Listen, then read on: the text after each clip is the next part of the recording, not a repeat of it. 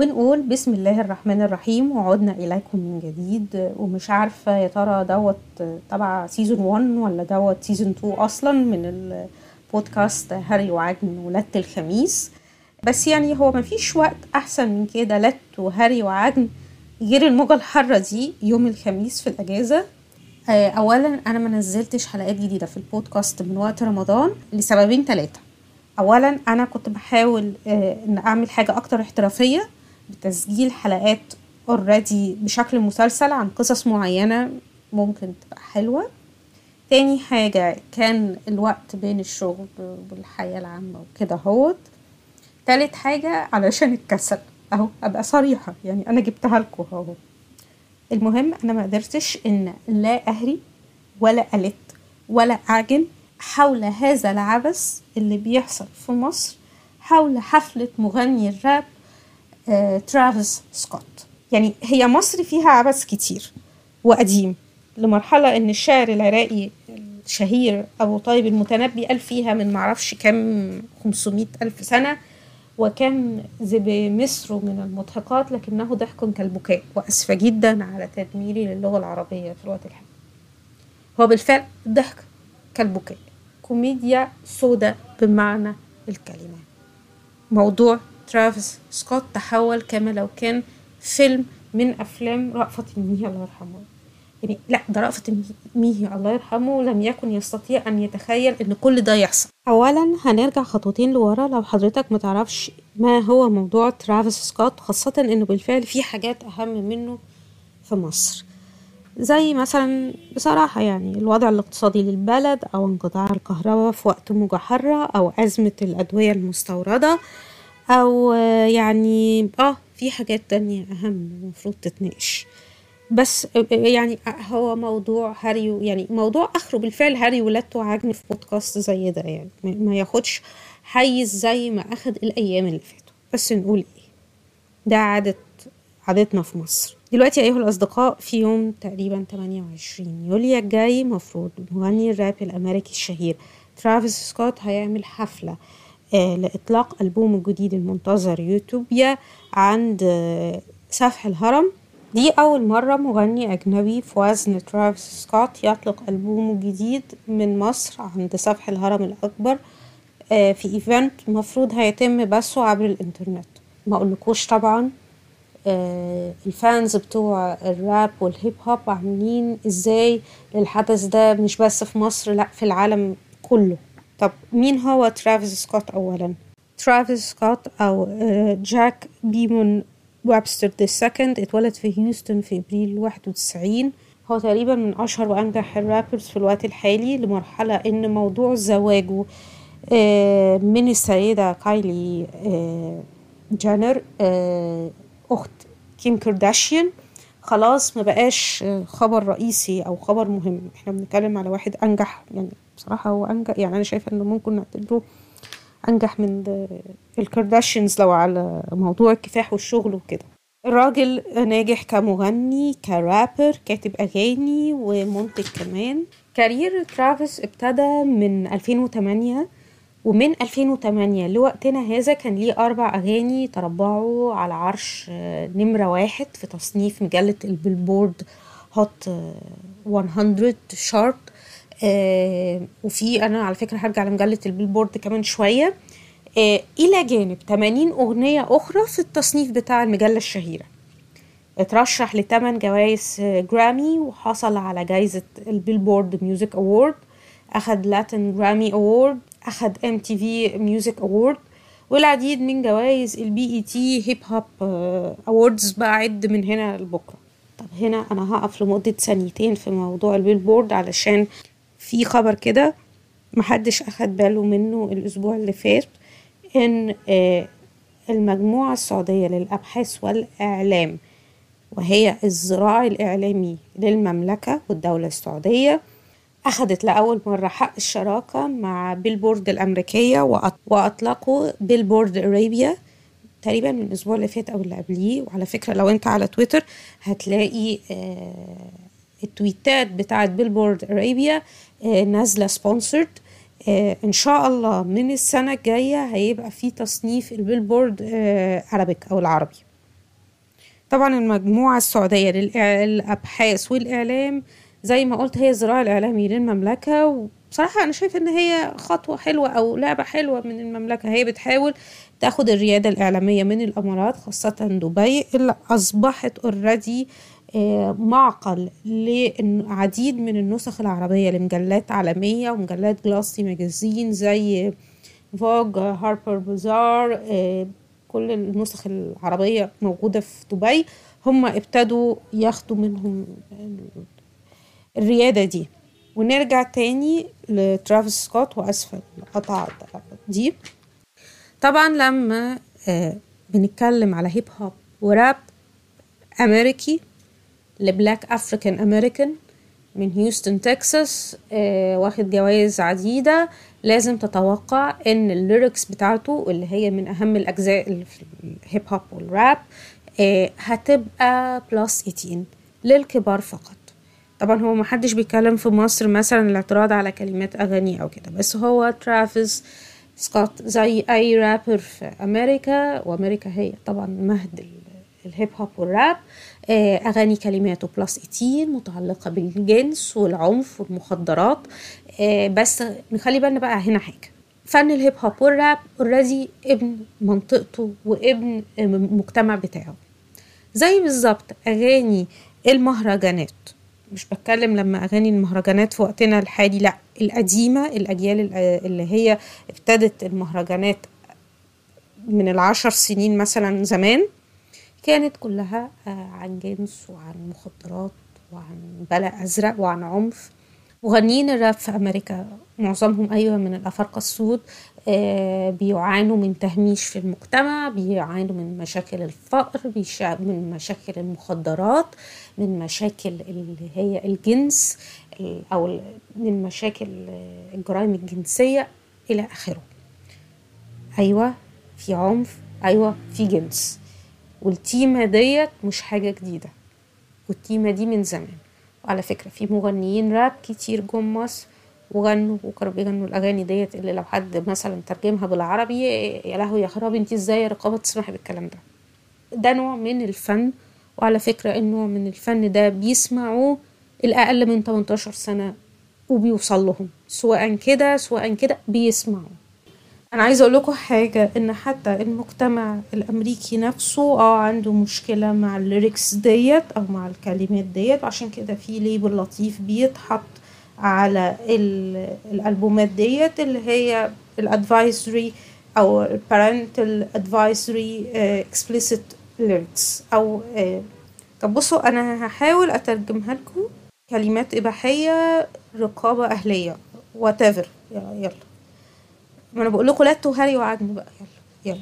عشان يبقى في ليبل يطلع زي كده على كل ألبومات الموسيقى من مش عارفة كان من نص التمانينات ولا من بداية التسعينات كانت في معركة حامية في آه الكونجرس الأمريكي والمحكمة العليا حول إن يا ترى ده اعتداء على حرية التعبير والرأي. أم لا. معلومة بسيطة إن السيدة اللي قادت الحملة لوضع رقابة على الكلمات أو وضع حتى ال label دي لم تكن سيدة جمهورية أو سيدة من من مؤيدي الحزب الجمهوري بل كانت السيدة تيبر جور الزوجة السابقة ل نائب الرئيس الأمريكي الأسبق الشهير آل جور.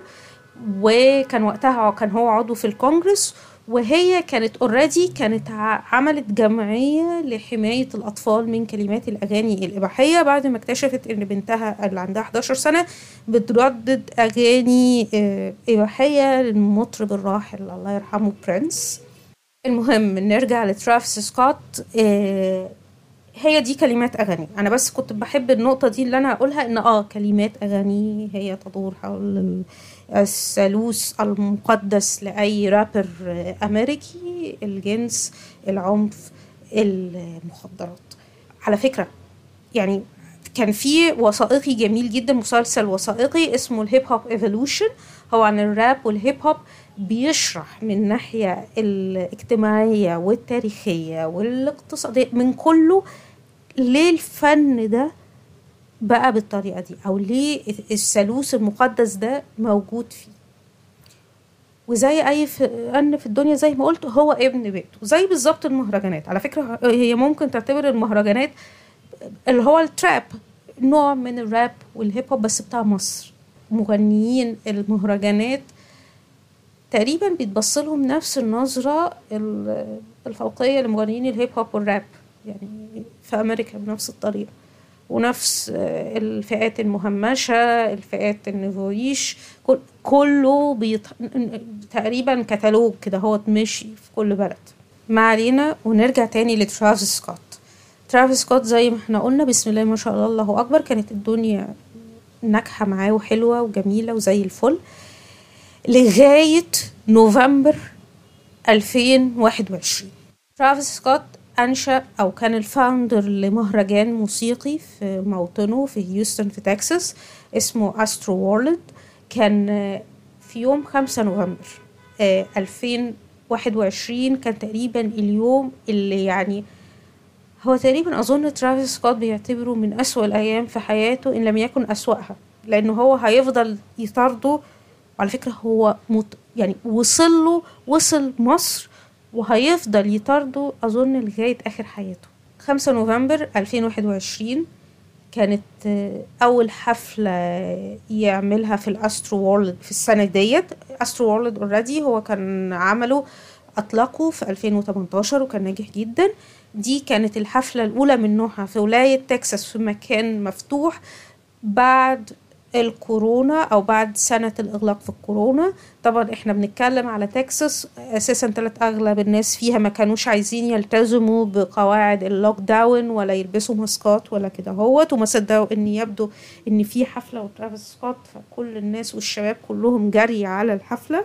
بالمختصر المفيد عشان أصل هي دي الحادثة دي لوحدها محتاجة يعني مش حلقة حلقات. وأظن أظن يعني أكيد نتفليكس أو HBO هيشتغلوا على حاجة عليها خاصة إن تداعياتها لم تنتهي بعد.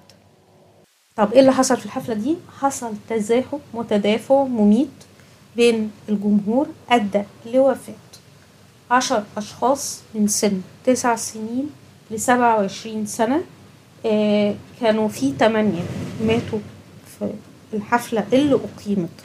في حديقة ال NRG بارك في هيوستن تمن أشخاص ماتوا جوه الحفلة نفسها.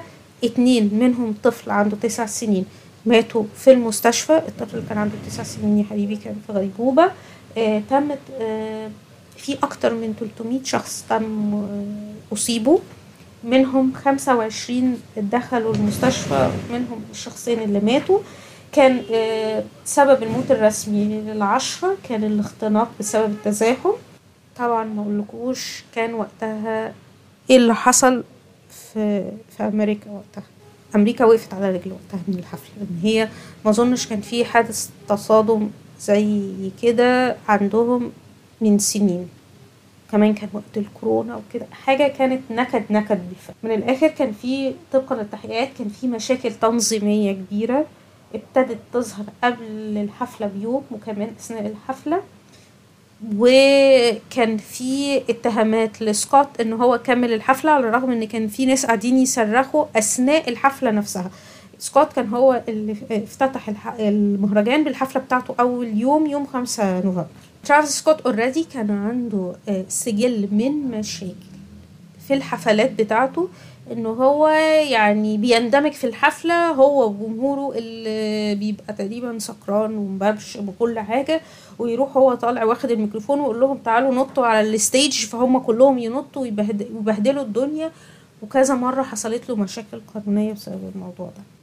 طبعا في قضايا للركب يعني بجوجل سريع كده هوت يعني أنا عملته بسرعة إن تقريبا في لا يقل عن آه خدوا بالكم الرقم ده. في يوليو 2023 في أكتر من 4900 قضية ضد ترافيس سكوت ال Live Nation اللي هي نظمت الحفلة وأجهزة كتيرة في المهرجان.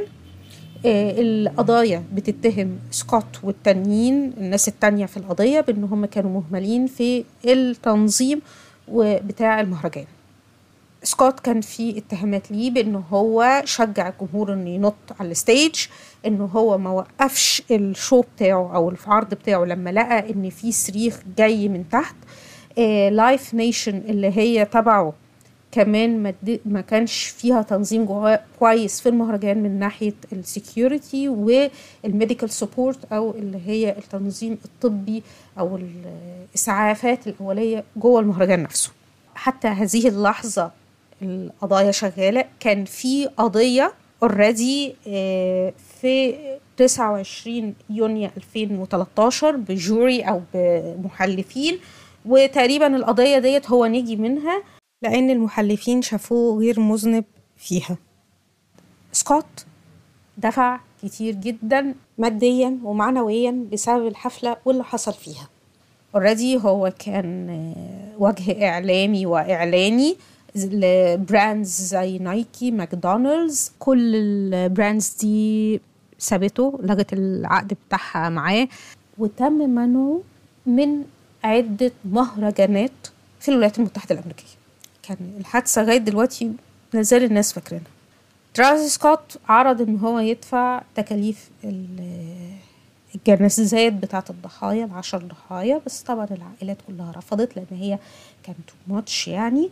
هو كمان عمل fund أو صندوق بخمسة مليون دولار علشان يساعد العائلات والضحايا بس حتى هذه اللحظة مش مفهوم إزاي هيتم توزيع الفلوس ديت أو أو قد إيه فلوس راحت للأهالي. آه كله مستني القضايا اللي شغالة. إحنا بنتكلم على 4900 قضية تعويضات بقى ليه كل الزمن. عشان كده هو سكوت بيحاول بأي طريقة إن هو يعوض بالفلوس يعني. آه طبعا هو اعتذر عن اللي حصل بس كان اعتذار آه يعني تقريبا زود يعني يقول لك إيه زود النار يعني ما يعني ما, ما شعللها أكتر إن هو كان طالع شكله مش مهتم أو ببرود أو كده. هو فيعني هو ده اللي حصل في الأسترو وورلد حتى هذه اللحظة من ناحية إخبارية سريعة آه بدون أي تحريش. بس لما قلت لكم إن آه اليوم دوت هيبقى من أسوأ الأيام لأنه هيفضل يطارد سكوت ترافيس آه ليه؟ مش مجرد قضايا لعنة اليوم دوت. أصابت ترافيس سكوت بطريقة هو لا يتخيلها في إنه هو أصبح لسخرية القدر ضحية من ضحايا ال misinformation أو ال fake information آه على ال social media. أيوة المعلومات الكاذبة ونظريات المؤامرة. الحادثة كانت لسه طازة لما طلعت نظريات مؤامرة على ال social media خاصة من تيك توك ويوتيوب إن اللي حدث في Astroworld Festival كان أصلا جزء من rituals أو طقوس شيطانية لعبدة الشيطان. وإن سكوت بيعبد الشيطان وكان في تم استخدام بقى إيه أصحاب نظريات المؤامرة اتهموا ترافيس سكوت بإنه بيعبد الشيطان بسبب إنه هو كان الديكور بتاع الحفلة دي فيها صليب مقلوب. وعلى فكرة ال imagery ديت أو الديكورات ديت كانت already بتستخدم في حفلات الهيب هوب والراب كتير قوي. ودايما كالعادة هتلاقوا أصحاب نظريات المؤامرة بيتهموهم المغنيين الراب والهيب هوب ان هم بيعبدوا الشيطان وإن دي حاجات تبع الماسونية وكده. هو ده مش حاجة جديدة دي حاجة قديمة. المهم نظر أصحاب نظريات المؤامرة قالوا إن الاستامبيد أو التزاحم ده كان قربان للشيطان أو لإبليس لأن هما شايفين ودي بقى تضحكوش يعني إن يوم خمسة نوفمبر هو عيد ميلاد إبليس أو الشيطان. يعني أنا مش عارفة هو عرفوا إزاي إن ده عيد ميلاد الشيطان. يعني هل هم الله أعلم والله العظيم. في نظريات تانية غير نظرية القربان. هم كمان ادعوا إن كلمات وأداء آه، سكوت آه، معمولة علشان يسحر الناس ويخليهم يركبهم الشياطين والعفاريت. عشان مزيكة آه، ترافيس dark و violent و sexual explicit imagery فيها وكده هوت وبعد كده هوت آه، قالوا إن سكوت أصلا member أو عضو في جماعة سرية بتعبد الشيطان علشان هو كان اتصور مع ناس بيقولوا آه، إن هما ليهم في السحر والشعوذة والكلام دوت. الكلام دوت ممكن يخلي أي حد يضحك بس لأ هو ما بيضحكش آه، لمرحلة إن كان في فيديو في تيك توك آه، ترافيس سكوت تدخل إن هو يتشال والفعل اتشال بس already يعني ولا ولا الهوا. شلت فيديو في 100 فيديو تانيين 100 فيديو يعني بتكلم على آلافات من الفيديوهات من كل لغات العالم. سكوت طلع مع podcaster في أمريكا وقال أنا مؤمن ب... بالله وان هو رجل مسيحي وإن يا جماعة كفاية بقى والكلمتين دولت. إلى حد ما يعني في ناس بيقولوا إن هو استطاع إن هو يتغلب على المصيبة ديت بتاعه أسترو وورلد بس بصراحة أنا شايفة حتى تأثيرها وصل لمصر وإن هي هتفضل تطارده بالفعل لغاية ما يموت يعني بصراحة. يعني بعد عمر طويل بس هي هتقعد تطارده. دي الحكاية بتاعت Astroworld okay؟ طيب. هو أعلن إن يوم 28 يوليو هيعمل حفلة في الهرم عشان يطلق آه ألبومه الجديد آه ألبومه الخامس يوتوبيا عند الهرم الأكبر الجدير بالذكر إن أول ألبوم أو ال mixtape ل آه ترافيس سكوت اللي هو نزله بنفسه في 2013 اللي هو كان ناجح جامد اللي هو Owl Pharaoh أو آه بومة فرعون طبعا بقى أول ما تسمعوا بومة فرعون وواحد آه، أسود أفريقي أمريكي الكيميتيين هيهجموا ويقولوا إلحق Afrocentric يعني ترافيس أخد خلاص كله بقى أخد نبضة الشيطان ال Afrocentric لعفريت أزرق. fast forward لصيف 2023 في مصر. في أواخر يونيو أو يوليو تم الإعلان إن ترافيس سكوت هيغني في مصر في ال web official website بتاعه وكمان Tickets Marche نزلوا في مصر التذاكر. وبسم الله ما شاء الله عرفنا إن ال premium بتتباع ب 4000 وال VIP golden circle بتتباع ب 6500 جنيه. They were all sold out. اتباعوا كلهم. الخبر كان سعيد جدا لل... لمحبي الراب والهيب هوب و...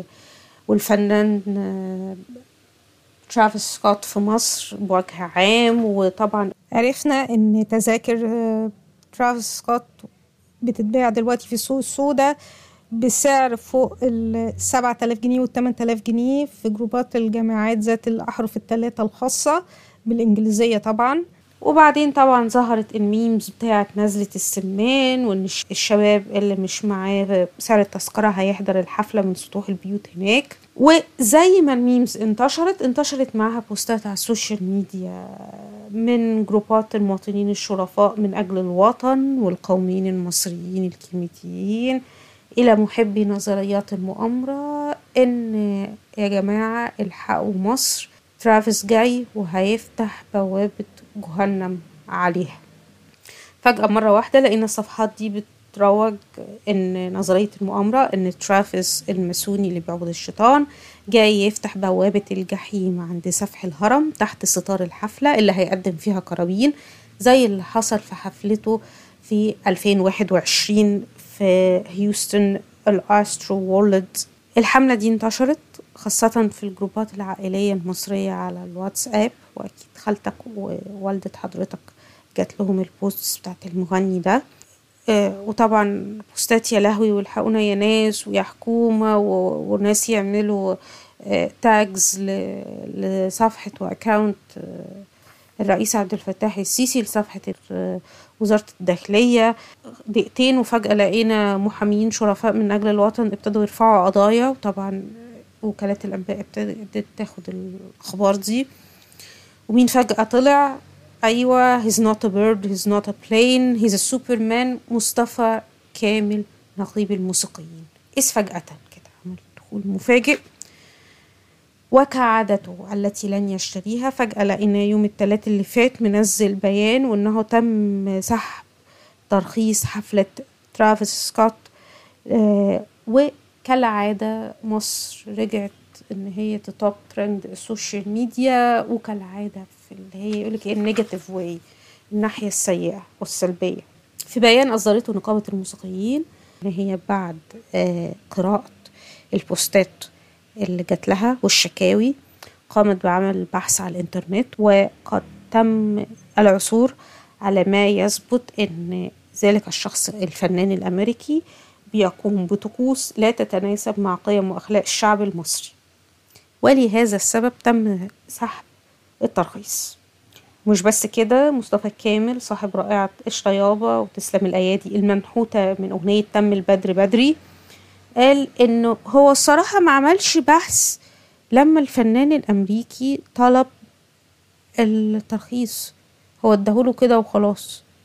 يعني أنا مش عارفة إيه التهريج ده يا جماعة. بجد ده تهريج وقلة أدب. وحاجة في قمة الإساءة لمنصب كان في اليوم من الأيام تتقلده سيدة الغناء العربي كوكب الشرق أم كلثوم بثقافتها الواسعة الصراحة. يعني تخيلوا من أم كلثوم لمصطفى كامل. يعني حاجة هي هي هو كمان بيقول لك الانحدار اللي إحنا وصلنا له. يعني انت اديت ترخيص لشخص أجنبي بدون الرجوع لمين هو طب بيعمل إيه طب بيغني إيه طب بكلمات أغانيه طب الحفلة بتاعته. لا لا لا لا لا لا. المهم بقى يعني في النهاية أنا شايفة في كام حاجة كده تتقال على الموضوع ده آخرة الهري واللت واللعب. آه كفاية بجد إساءة لينا. ويعني الجميل إن سيادة النقيب بعد ما طلع على المسرح مصمم بتصريحات أكثر استفزازا وطالع يقول لنا أنا بكرة هضرب سلام لو الأمن وافق على الحفلة دي. وهو الفكرة إن الأمن موافق على الحفلة دي بالفعل. وتيكتس مرشي قالك أنا مش يعني الحفلة قائمة وطبعا مش هيقدروا يرجعوا حفلة بالملايين دفع فيها. ويبدو أن أصلا مصطفى كامل ليس له أي شأن قانوني في موافقة إقامة حفلة لفنان أجنبي أو لأ لأن طب لأن طبقا لما قاله مدير أعمال ترافيس سكوت في أول تصريح ليه بعد يوم الثلاث أو بعد الأخبار اللي جت من مصر إن تم سحب الترخيص إنه already الكلام دوت كلام مصطفى كامل بيمشي فقط على الفنانين المصريين وليس على الفنانين الأجانب. فيعني طب أنت جاي تطلع تعمل النمرة دي ليه؟ مش عارف. كملت بقى. وده اللي خلاني إن أنا أعمل البودكاست ده. إن يوم الخميس ترافيس سكوت ذات نفسه نزل بيان للإعلام والدولة المصرية والشعب المصري. يطالب فيه بالسماح لمعداته إن هي تدخل يوم عشرين يوم الخميس عشان يتم الإعداد للمسرح والعرض. ترافيس منزل بيان بيقول فيه يعني الصراحة بالإنجليزية إنه ابن أسرة متدينة مسيحية من هيوستن تواظب على حضور القداسات المختلفة وكمان إنه يحترم الله عز وجل وإنه كمان ذكر إنه عمل حفلة في السعودية. يعني السعودية المحافظة أكتر من مصر وممكن تسألوا عليا يا جماعة سمو الأمير فلان ابن فلان. السعود هو بالفعل هو آه ترافيس عمل حفلة على هامش الفورمولا 1 اللي كان موجود في السعودية. ناقص يكتب لنا أنا بحب حيوكو وجاي أغنيلكوا طبعا نفى فيه كل الاتهامات الموجهة ليه في ال social media من إنه هو هيفتح بوابة الجحيم. ومش عارفة إيه. وصراحة كان ناقص ينهي البيان بتحيا مصر ثلاث مرات. يعني أنا أنا في رأيي المتواضع أنا كل مشكلتي أو قلقي مش من أبواب الجحيم اللي هيفتحها ترافيس سكوت تحت سفح الهرم قد ما أنا قلقانة على التنظيم لأن إحنا بنتكلم على مصر. يعني تنظيم الحفلات الأجنبية في مصر بيبقى سداح مداح وحاجة مسخرة. بس هو طبعا عدد الناس اللي هيحضروا أكيد أقل من حفلة هيوستن المميتة لأن التذكرة A plus class إحنا بنتكلم في مصر. بس أنا بقى خايفة من سيناريو تاني هو سيناريو إن الشباب اللي هتحضر الحفلة هتكون من شباب الساحل الشرير اللي هينزلوا وهيرجعوا تاني بعد الحفلة وهم عاملين دماغ ربنا يستر سواء بقى pills سواء خمرة سواء إيه. ده اللي أنا خايفة منه. شباب على طريق الساحل رايح جاي طريق أوريدي هو الجحيم ذات نفسه السنة دي. طريق الضبعة لعنة طريق الضبعة الفوكة الكلام ده كله متبهدل خالص لغاية الماظة بالليل مفيش أضواء كفاية. فسبحان الله أنتوا كل الناس قاعدين يتكلموا على حاجة أنا بقى بتكلم على حاجة تانية خالص. ثانيا أنا يعني صراحة مش عارفة مصطفى كامل هل حد اشتغله؟ هل هو عصفورة؟ أو إن أنا حاسة بصراحة إن بعد اللي حصل في أزمة إيمان البحر درويش هو حب يعمل نمرة لنفسه إنه يطلع محافظ على أخلاق الوطن وال... والمجتمع المصري وقيم الأسرة المصرية وكده. بس هي جت على نفوخه ونفوخ أهله. ثالثا وأخيرا عزيزي المستمع تفتكر الواد المنكوش الألماني نويل روبنسون هيحضر حفلة سكوت ويرقص فيها؟ نويل روبنسون جاب الفاميليا بحالها ونزلوا مصر. وهنا ستسكت شهرزاد عن الكلام المباح وإلى حلقة قادمة إن شاء الله وهنشوف ترافيس الأسبوع الجاي هينجح في فتح بوابة الجحيم تحت سفح الهرم خوفو أم إن مصطفى كامل أمل الأمة سينقذ مصر والعالم؟ فانتظرونا وأبقوا معنا. تصبحوا على خير أو تتمسوا بالخير whatever ويا رب تبقوا بأحسن حال يا رب.